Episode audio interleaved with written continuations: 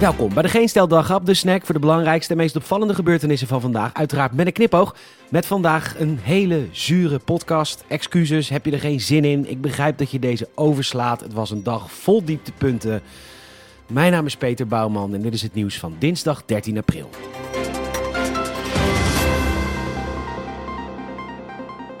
Zojuist was natuurlijk weer de persconferentie. De ziekenhuizen liggen vol en het is onze schuld. Wij houden ons niet meer aan de regels. Het is een beeld van twee werelden: de ziekenhuizen en een hoopvol buiten. En dat komt allemaal door ons, de bevolking.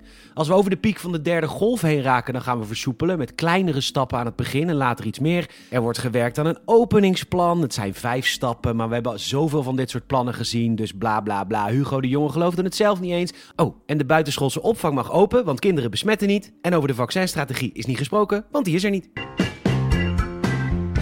Het is een zegen dat ik deze podcast elke dag mag maken voor geen stijl. Ik mag 100% zeggen wat ik wil, foute grapjes maken, flauwe, soms sterke. Maar steeds vaker komt het voor dat als ik iets bedenk, ik bang ben dat het werkelijkheid wordt. Omdat dingen die zo belachelijk zijn, tegenwoordig gewoon gebeuren. De Verenigde Staten stoppen met het Janssen-vaccin. Ze hebben al 7 miljoen mensen geprikt en daarvan is er zes keer een geval van bloedstolsels ontdekt en één iemand is overleden. Eén dode op 7 miljoen mensen.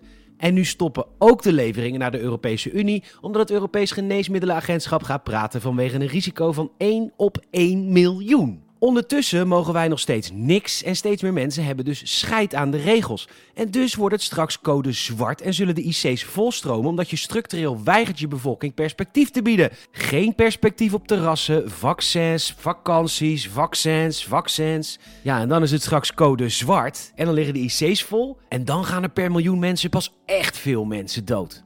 En dat is dan de schuld van de bevolking. Toen de NOS samen met Hugo de Jonge naar de voorraad vaccins ging kijken, waren er maar een paar doosjes vaccins te vinden. De jongen reageerde zoals altijd verre van charmant door te zeggen dat hij dacht dat er een miljoen op de plank lagen. Waar die vaccins zijn, weet ik ook niet, maar de cijfers liegen er niet om. Het AD tekent op dat er sinds december 4,6 miljoen vaccins geleverd zijn en tot zondag werden er 3,2 miljoen gezet. Een verschil van 1,5 miljoen. En die liggen natuurlijk bij de GGD's en de huisartsen. De huisartsen raken ze aan de straatstenen niet kwijt en ze zijn vaak vrienden, familie en kennissen aan het prikken, wat overigens fantastisch is. En de GGD's maken afspraken waarna mensen weken moeten wachten. Dit alles laat het totale gebrek aan gevoel van urgentie zien. Mijn lieve, lieve moeder, 74, mocht een afspraak maken en kon drie weken later terecht. En denk je dat er in die drie weken constant rijen stonden bij de GGD Prikstraat in Al van der Rijn? Spoiler alert, nee. Hugo de Jonge heeft geen last van deze crisis. Het kabinet vergadert zelden op afstand, zoals de rest van het land wel gevraagd wordt. Het katshuisoverleg ziet er altijd super gezellig uit. Kom, we doen een lekkere weekendse hoodie aan. Dankzij zijn beroep rijdt hij stad en land af en ontmoet daar heel veel verschillende mensen. Dat is bij de rest van het volk niet. Wij zitten thuis. Hij weet niet hoe de bevolking zich voelt, want anders zou hij zijn minder dan charmante opmerking als: Ik dacht dat er een miljoen vaccins zouden liggen, nooit maken. Ik zei toch dat hij zuur werd? Japan heeft de knoop eindelijk doorgehakt. HLN meldt dat zij over twee jaar meer dan een miljoen ton besmet water zal lozen in de zee, die afkomstig zijn van de kerncentrale Fukushima. Fukushima. Het water wordt nu nog opgeslagen in grote vaten. Volgens de autoriteiten wordt het water gezuiverd en is het helemaal veilig. Maar daar denken verschillende organisaties anders over, omdat het isotoop tritium niet te filteren valt. Maar volgens officiële regels van het Atoomenergieagentschap zijn kleine hoeveelheden tritium niet schadelijk. Alleen, dit gaat over een miljoen ton, dus wordt erover getwijfeld. En het is ook zo dom, Japan. Als je je eigen water gaat besmetten, hoe kun je dan nog garanderen dat alle dolfijntjes, walvissen en blauwvintonijnen die jullie vangen nog net zo lekker smaken?